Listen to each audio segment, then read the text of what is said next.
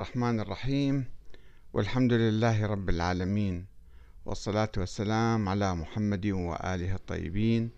ثم السلام عليكم أيها الأخوة الكرام. ورحمة الله وبركاته.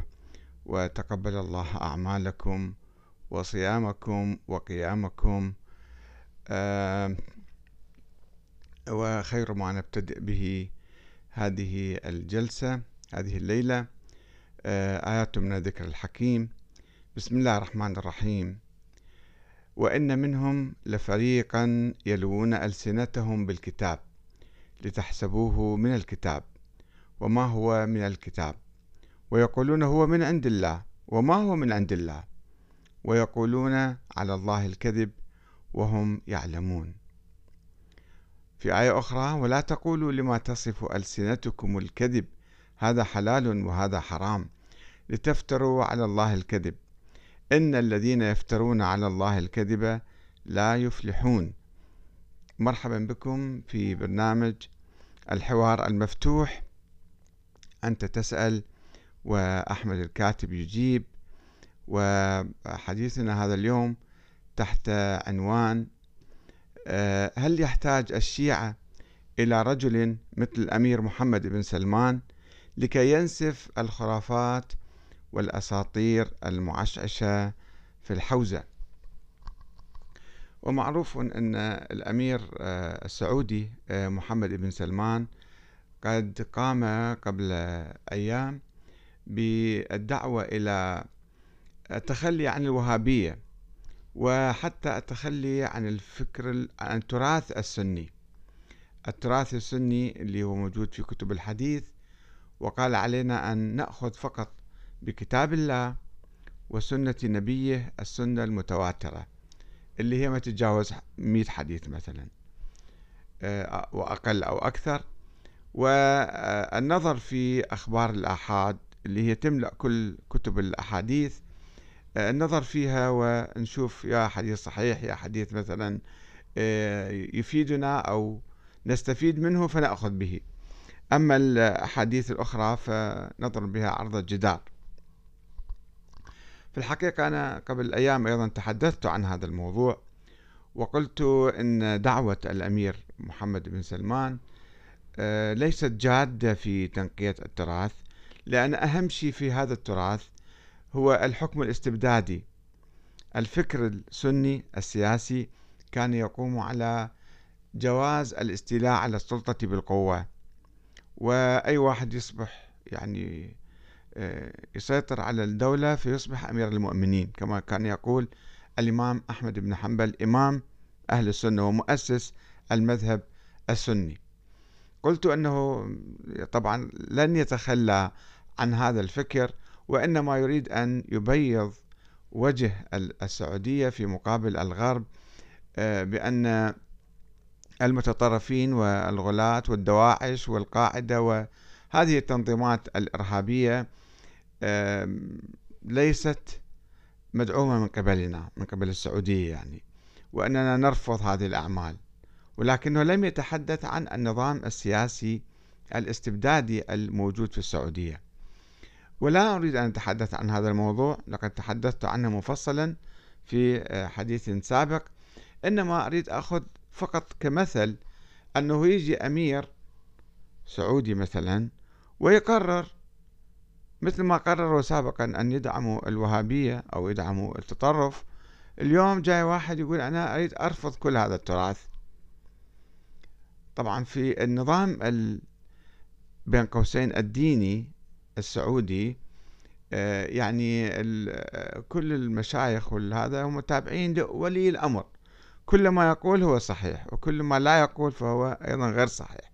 عندهم عند الشيعة ليس الأمر كذلك. في تعددية وفي حرية وفي يعني مجتهدون متعددون لا يمكن أن يأتي حاكم ويفرض شيء على الناس. ثم أن الشيعة مثلا آه، حدثت عندهم ثورة. الثورة الإسلامية لم تكن على شه إيران فقط. وإنما كانت على الفكر الشيعي الإمامي الاثني عشري.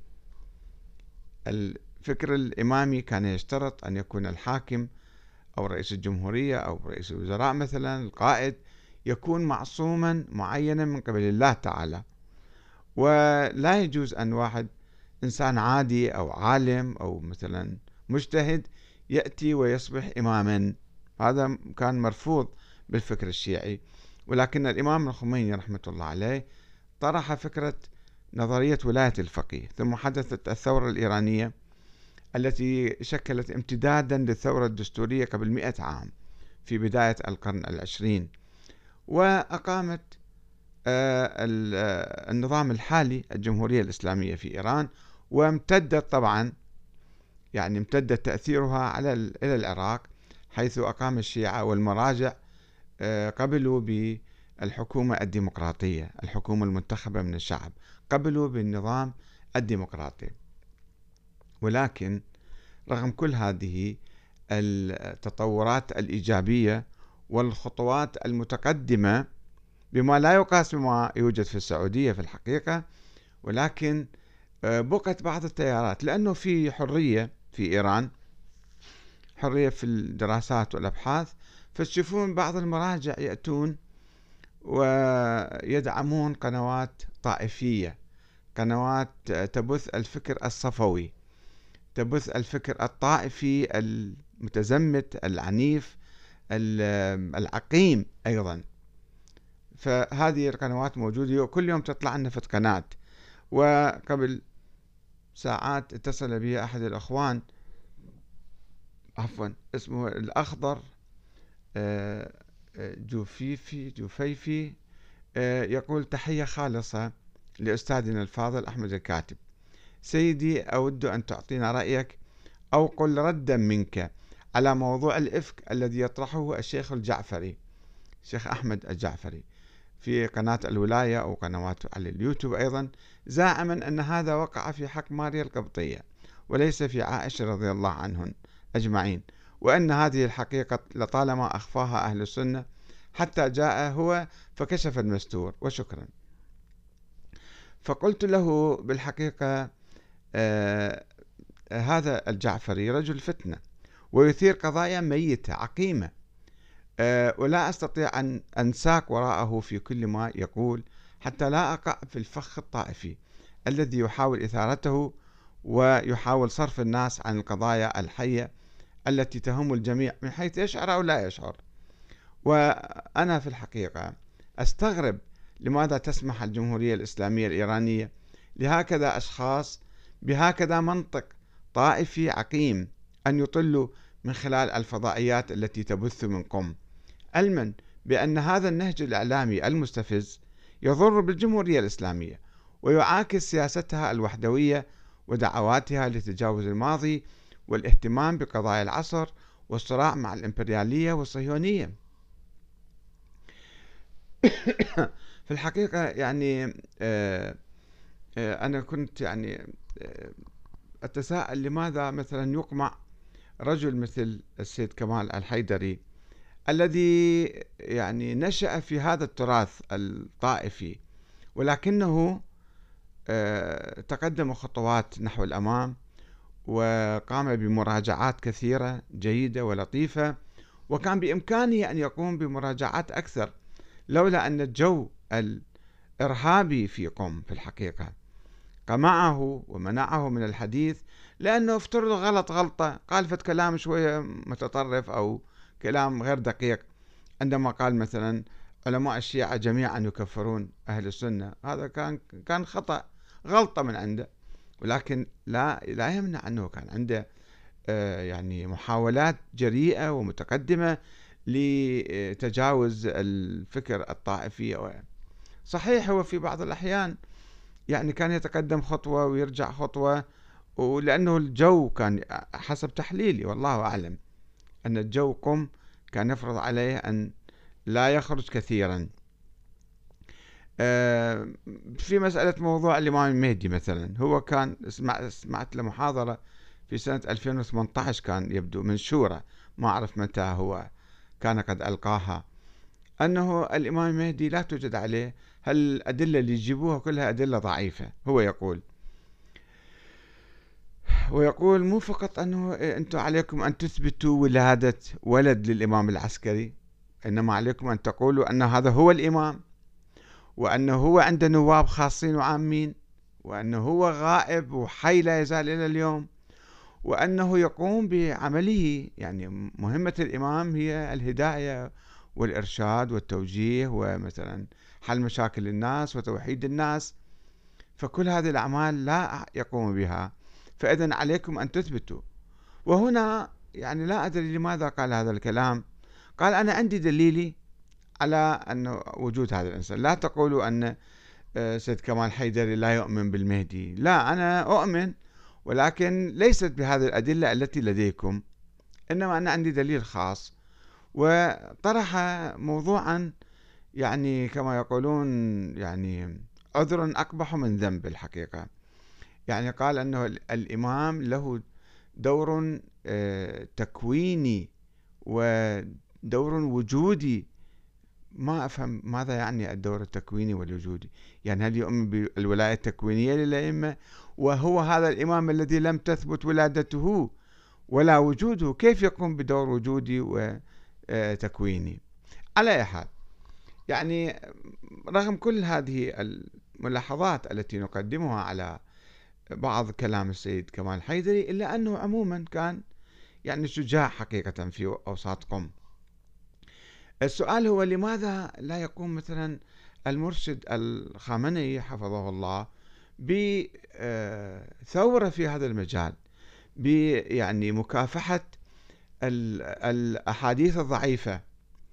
الأحاديث الضعيفة والخرافات والأساطير والفرضيات الوهمية وهذا التراث الطائفي المقيت الذي يعرقل آه، الجمهورية الإسلامية ويضر الجمهورية الإسلامية الآن ويسحبها إلى الوراء.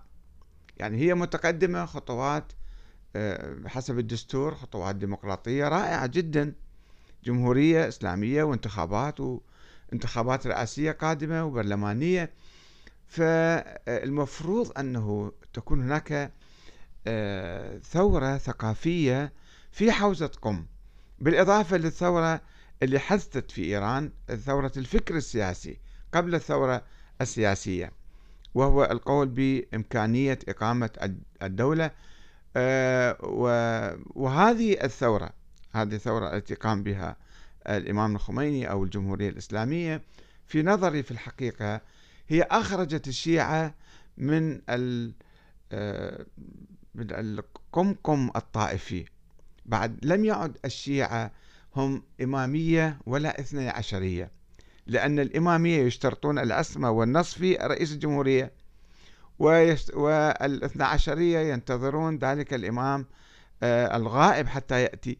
فالجمهورية الإسلامية الآن والشيعة عموما سواء في العراق أو لبنان أو باكستان أو تركيا أو أي مكان لم يعودوا ينتظرون ذلك الانتظار السلبي لذلك الإمام الذي لم يولد.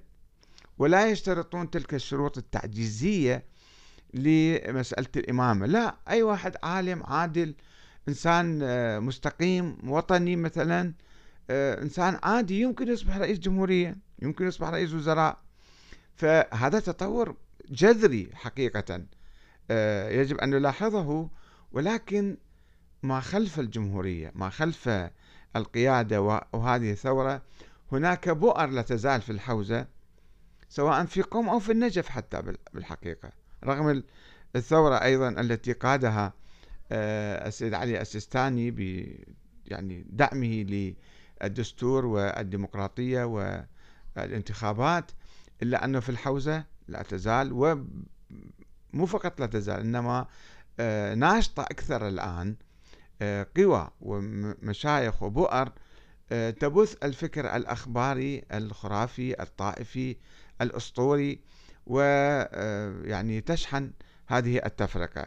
فهل يستطيع الإمام الخامنئي مثلا أن يقوم بهذه الثورة حقيقة؟ أم أن مثلا الوضع الديمقراطي في إيران لا يسمح له بذلك؟ وهؤلاء المشايخ اللي يسمون نفسهم مراجع جالسين في زوايا قم وزوايا المدارس ولا يفقهون ماذا يقولون لا يفقهون ماذا يقولون وإنما آه، يكررون يكررون أفكارا موروثة لم يجتهدوا فيها ولا يسمحون لأحد أن يجتهد فيها. كما لم يسمحوا للسيد مثلا كمال حيدري أن آه، أن يطرح بعض الأفكار للمناقشة. فهنا نحن نقول نحن بحاجة بالحقيقة إلى رجل شجاع لكي آه، يقوم بهذه الثورة ويكمل الثورة السياسية. الثورة الثقافية ضرورة يجب أن تكتمل وأن تحدث آه، حتى تدعم الثورة السياسية الحاصلة في التوجهات الحية في آه، الجمهورية الإسلامية. لذلك أنا طرحت يعني هذا الموضوع للنقاش والدعوة للقيام بحركة آه، فكرية ثقافية لتصفية هذا التراث والعودة إلى القرآن الكريم. والسنة الثابتة المتواترة وهي لا تتجاوز مئة حديث. وإذا أخذنا بعض أحاديث الأحكام خلوها على صفحة. أما آه، أحاديث الفكر السياسي يعني أحاديث الإمامة التي تخلى عنها الشيعة اليوم فلماذا نتشبث بها؟ ولماذا نتشبث بقراءات آه، عقيمة للتاريخ مثل هذا؟ الشيخ الجعفري الله يهديه إن شاء الله أنه هاي آية الإفك لم تنزل بعائشة نزلت بماريا. ثم ماذا؟ ماذا تستفيد من هذا الحديث؟ بعض الأخوة طالبوني بمناقشتي أنا لا أنزل إلى مستوى هذه المناقشات ولا أنجر ولا أسمح لنفسي أن, أن, أن أهبط إلى هذه المناقشات العقيمة التي لا تسمن ولا تغني من جوع وإنما فقط تستفز الناس وتثير الطائفية. وأبحاث كثيرة من هالقبيل آه، يعني ما في داعي أن نطرحها. وقد طرحت من منطلق العداء لفلانة أو فلان وحديث كسر الضلع وأحاديث أسطورية كثيرة موجودة يكررها آه، شيوخ المنابر اللي يصعدون على المنابر بدون بحث وبدون تدقيق وبدون دراسة وبدون تفكير حتى يقرؤون ما هو موجود في الكتب ويطرحوها طبعا ليس كل المنبريين وإنما آه، عامتهم. فنحن طرحنا هذه الآية الكريمة آه، التي تقول بسم الله الرحمن الرحيم وإن منهم لفريقا تتحدث عن اليهود يعني يلوون ألسنتهم بالكتاب. يصيرون يحكون بشكل معين لتحسبوه من الكتاب. وما هو من الكتاب؟ يعني عندنا علماء آه، يتكلمون باسم الدين ويجيبوا لك تأويلات وآيات وأحاديث حتى أنتم تفتكروا أنه هذا جزء من الدين. ويقولون هو من عند الله. أحاديثهم اللي هم يختلقوها يدعون أن هذه من الله جاية. ويقولون على الله الكذب وهم يعلمون. قلت هل تنطبق هذه الآية على بعض العلماء المسلمين اليوم؟ وعلى بعض المشايخ الذين يؤلفون النظريات الوهمية والأسطورية ويغلفونها بآيات قرآنية وأحاديث مزورة ليحسبها الناس من الدين وما هي من الدين ولا من عند الله. الأخ علي الشويلي علق على هذه الكلمة بالآية القرآنية ولا تقولوا لما تصف ألسنتكم الكذب هذا حلال وهذا حرام. هذه مصيبتنا أنه آن مراجعنا. صدقوني المراجع اللي قاعدين بيقوموا بالنجف هم يتحدثون وحاملين أفكار من دون دراسة من دون تدقيق. أفكار عجيبة غريبة وعقيمة وعبثية ومضرة ولم ينزل بها الله من سلطان. ويعتقدون هذا هو الدين. يقول أيضا الأخ علي الشويلي وكذلك الله لم يعطي رخصة في المحرمات لأنها بيد الله حصرا. وقد عاتب رسول الله صلى الله عليه وآله حينما قال له يا أيها النبي لم تحرم ما أحل الله لك؟ تبتغي مرضات أزواجك. والله غفور رحيم. فالحرام شمولي أبدا أبدي بيد الله حصرا ولكن ما شاء الله فإن فقهاء الدين جعلوا الحرام هو الأصل والحلال استثناء يعني عكسوا العملية. آه الأخ آه حامد علي يقول طبعا أكثر ما ورثناه كذب وافتراء. محمد البوش يقول وجعلناهم أئمة يهدون إلى النار. رضا رضا يقول تماما مثل الذي اعتنق الديمقراطية وألف لها آية السورة وقدمها للناس على أساس أنها من عند الله. يعني يقصدني إلي. الأخ رضا. آه، على الأقل الإمامة لها أثر في القرآن بنفس الألفاظ. أي أن لها أصل قرآني. إذا كان غيرك استخلص من آيات الإمامة نظرية قرآنية عقلية تحدد نظام الهداية إلى الله فأنت تفسر آيات الإمامة على هواك الديمقراطي لكي تصرف الفهم عن الحقيقة. فجعلت إمامة, إمامة سيدنا إبراهيم هي النبوة وأنت تعلم جيدا أنك تخفي الحقيقة. هذا يوجه يعني اتهامه لي. وطبعا إحنا ناقشنا الأخ رضا عدة مرات في هذه المواضيع وهو يستغل كل فرصة حتى أيضا يبدي رأيه المعارض لنا. ونحن نرحب به أيضا. آه، إذا هنا الأخ علي خليفة يرد على الأخ رضا. فيقول له السورة موثقة في القرآن بآيات وبسورة اسمها الشورى. ونظام الحكم الرشيد لا يتحقق إلا بالشورى التي أحد وسائلها المناسبة لهذا العصر الانتخابات. أما الإمامة المذكورة في القرآن فلا علاقة لها بنظام الحكم وإنما هي منزلة عامة تتحقق في أي مجال ولا تعني سوى آه، شيئا سوى القدوة. وإن كان الأخ أحمد يقصدني أنا وكثيرون من علماء المسلمين قد توصلوا لحتمية الانتخابات كآلية وحيدة صالحة الآن لتحقيق الشورى في اختيار ولاة الأمر فما توصلوا إليه يمكن تحقيقه بل هو متحقق فعلا في بلاد كثيرة غير إسلامية للأسف. وقد أثبت نجاعته وصلاحيته لصلاح تلك البلاد.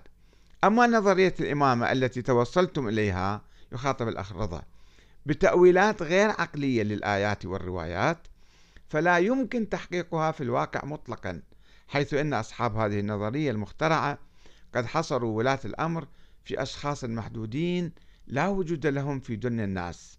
وهذا ضرب من ضروب العبث أو الخبل إذ كيف يتولى الأموات أمور الأحياء؟ الأخ أياد الحسن يخاطب علي خليفة يقول له أحسنت أوافقك الرأي لا أعلم كيف يفكرون هؤلاء بأي عقل وأي منطق تحياتي. الأخ علي يرد عليه يقول لا أحسن الله إليك يفكرون بعقول المعممين والرواديد لا بعقولهم. يعود الأخ آه، أياد؟ يقول فعلا أخي والله حتى أني تعبت وعجزت من خلال التعليقات. أنصح وأوعظ وأرشد ونتحاور ولكن لا جدوى منهم. إما يسبك أو يطعن بك أو يتهمك بأمور لا تمت بصلة للدين والإنسانية. لمجرد أن تختلف معه في الحوار الجماعة قافلين على الخرافات والأساطير والأكاذيب. تليق بهم لأنهم لا يفكرون ولا يبحثون ولا يحللون ولا يعتقدون بالقرآن ويفسرونه حسب مزاجهم الشخصي والعقلي. تحياتي واحترامي أخي العزيز الغالي. طبعا ليس كلهم ربما عندهم شبهات يعني. أه هنا يجري حوار. طبعا إحنا نشرناه في صفحتنا وموجود بين الأخ علي خليفة والأخ أياد. بعدين الأخ أه أنا قلت للأخ رضا قلت له يعني هو قال لماذا أنت تعتقد الديمقراطية مسويها دين أنت أيضا؟ أضفت في الشيء جديد يعني. قلت له لم نقل أن الديمقراطية دين وعقيدة وإنما نستلهم المبدأ من القرآن الكريم اللي هي الشورى مبدأ الشورى ونحاول تطبيق العدل والحرية والمساواة في حياتنا الدنيا عن طريق الشورى أو الديمقراطية التي هي صيغة متطورة منها. فالأخ علي خليفة يعلق فيقول أخي الكريم الكاتب أحمد الكاتب اسمح لي أن أوضح أمرا وهو أننا لا نؤمن بالديمقراطية الغربية بمعناها العام الشامل المتعارف عليه وإنما نؤمن بجزئية الانتخابات فقط كآلية وحيدة صالحة الآن لتطبيق مبدأ الشورى الإسلامي. والذي استبدله الشيعة بالوراثة التي يعيبونها ونعيبها معهم على معاوية ومعه أهل السلف باشتراط وجود من يسمونهم أهل الحل والعقد والذين لا وجود لهم في بلاد المسلمين. ولا يمكن إيجادهم أصلا في ظل اتساع بلاد الإسلام ووجود ملايين آه، مليئة من المسلمين لا تستطيع مجموعة منهم أن تحل أو تعقد أمر اختيار ولي الأمر وتلزم وتلزم به تلك الملايين. ولهذا فلا سبيل لتحقيق الشورى إلا وفق آلية الانتخابات رغم سلبياتها المتأثرة المتمثلة في التأثير المالي والدعائي على عوام الناس. وهذه موجودة حتى في المرجعية الدينية. التأثير المالي والدعائي موجود في كل مكان. الأخ رضا يعود مرة ثانية يقول ومن قال أن استلهامك للمبدأ من القرآن هو الصحيح؟ ربما أن هناك استلهام آخر ليس له علاقة بالحكم أصلا. ويبقى رأيك وتفسيرك لآية الشورى تفسيرها تعسفي كما هو تفسيرك لإمامة سيدنا إبراهيم هي النبوة. وأنت تعلم جيدا أن ذلك غير صحيح. كيف أعلم؟ يعني يقولني شيء لا أعرفه في الحقيقة. فالله تعالى جعل سيدنا إبراهيم نبيا في شبابه وجعله إماما في شيخوخته. وحضرتك أولت الآية تتماشى مع هواك. والسؤال ما هو الضابط في الشورى؟ كي لا تختار الأمة حاكما لها يخونها من بعد ذلك. والتجارب التاريخية عديدة منذ عهد الصحابة إلى يومنا هذا. في الحقيقة يعني الآية اللي تقول إني جعلك الناس إماما إحنا نتحدث يعني طول التاريخ الإسلامي الكلام اللي كان موجود بين المتكلمين وبين الطوائف المختلفة حول الإمامة يعني حول الحكم والزعامة. بعد النبي النبي كان خاتم النبيين النبي محمد صلى الله عليه وسلم. النبي النبوة ختمت. اليوم أكملت لكم دينكم وأتممت عليكم نعمتي ورضيت لكم الإسلام دينا. وخلص. بقى عندنا شنو؟ بقى عندنا من يحكم. من ينفذ الإسلام ويطبق العدل؟ وهو الإمام يعني الحاكم. يعني الرئيس يعني السلطان الخليفة الأمير أي شيء يسميه. فإحنا ما استنبطنا شيء على هوانا وإنما هذا هو اللي أنت رايح بعيد يا أخ رضا. ويجي بعدين يقول ما هو الضابط في الشورى؟ في الحقيقة ما في ضابط. الشورى ما راح تنتخب لنا إمام معصوم. إنما المجتمع كل ما يكون صالح ويضع قوانين صالحة فيفرض هذه القوانين على الحاكم حتى يكون آه، ممثلا للأمة ويعني آه، آه، يعني مطيعا لها لا أنه يتصرف كما يشاء. وتبقى المعركة مستمرة معركة الحياة أن يجي حاكم يستغل الشورى يستغل الديمقراطية يستغل اسم الإسلام ويحاول أن يفرض ما يشاء. فهذا راجع للأمة أنه آه، تخلي قوانين وتكون واعية آه، تفتح عينيها جيدا وتراقبه وتحاسبه وعبر آليات صالحة وجيدة. يعني مثلا آه، نظام الأحزاب يكون نظام صالح وجيد ونظام الانتخابات يكون صالح وجيد والإعلام يكون حر والأمن متوفر في البلد. كل هذه أشياء ضرورية لكي آه، تنتج لنا حكما صالحا وحاكما صالحا. مو فقط آلية انتخابات صناديق اقتراع نحط بها أصواتنا ونروح ننام بالبيت كما هو وضع كثير من المسلمين يعني. إنما بحاجة أن نكون إحنا كلتنا حاضرين في الساحة.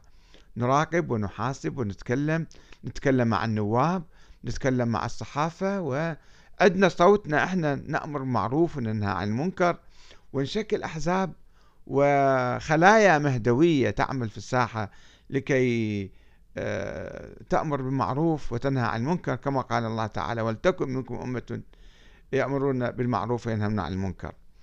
آه، فإذا آه، يعني إذا عندنا إشكالات على التجربة الديمقراطية لا يعني أن نلغيها مرة واحدة ونروح ناخذ نظريات مثالية خيالية تعجيزية لا وجود لها ولا يمكن تطبيقها في الأرض كما يفعل الإمامية. يبدو الأخ رضا رغم أنه هو متحول للإمامية كما علمت يعني. آه، يقترب الآن يعني الآن طرح هذا السؤال الأخير ما هو ضابط للشورى؟ يعني هو يريد ينسف الشورى ولكن في نفس الوقت هو يعني يتقدم خطوة نحو الأمام للقبول بالشورى أيضا. الأخ علي الزياري يقول أنا معك 99% أياد الحسن يقول بالتأكيد يعني أن السؤال اللي طرحناه في البداية أن هذه الآية تنطبق على علماء المسلمين أو لا؟ آه الأخ أياد يقول بالتأكيد. فهم ممن يؤسسون الافتراء آه على الله وآياته يقيسون على هواهم. وقال الإمام الصادق إياكم واتباع الهوى في القياس والمقاييس فإن أول من قاس إبليس فلا أعلم كيف يفكرون هؤلاء ومن يتبعهم. سبحان الله الأخ محمد إبراهيم أيضا يقول أكيد طبعا تطويع النص الديني وتجيره بما ينسجم مع توجهاتهم وأفكارهم والأكثر من ذلك يجزمون أن هذا مراد الله تعالى وكأنهم مطلعون على الغيب ولا يقبلون بقراءة مخالفة لقراءتهم.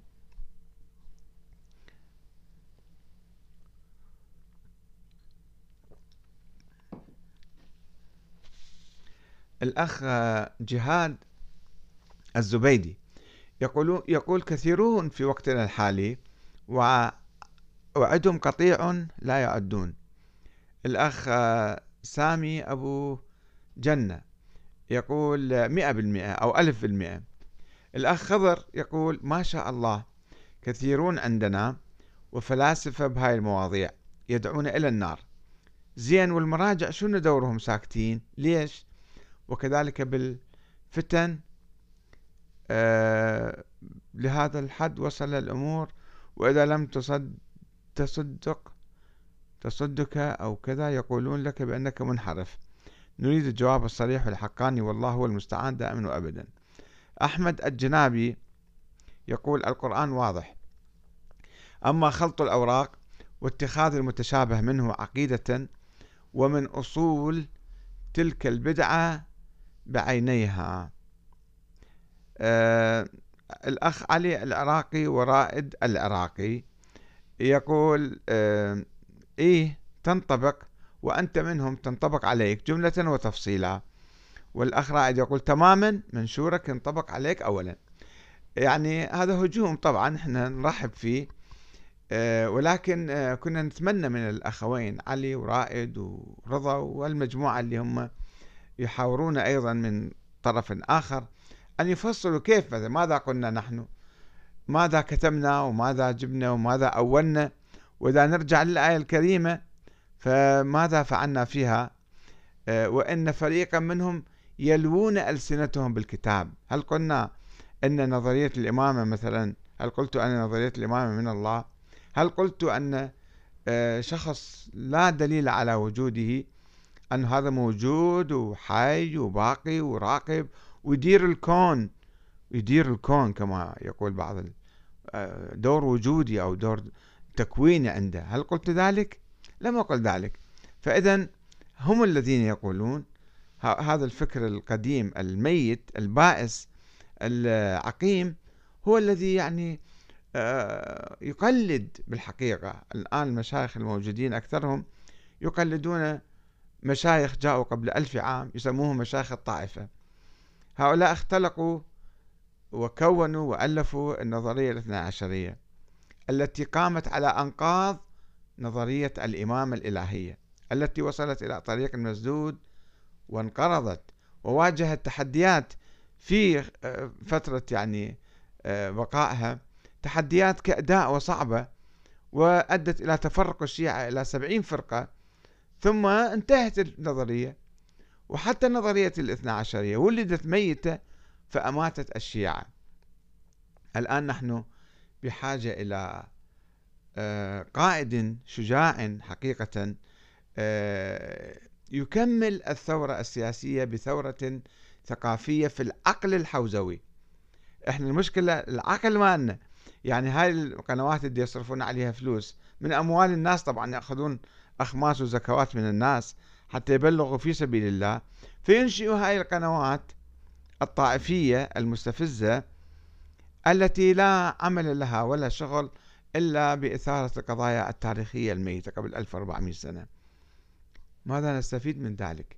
علينا أن نصرف جهودنا لتوعية الأمة بواجباتها ومسؤوليتها والأدوار التي يمكن يقوم بها وندعو الأمة إلى الوحدة بدل ما ندعو الأمة إلى الوحدة ونوحد المسلمين نحن نطرح قضايا مثلا مع الأسف الشديد قضايا تفرق تفرق وتستفيد وتزرع العداوة والبغضاء في نفوس الناس تجاه بعضهم البعض.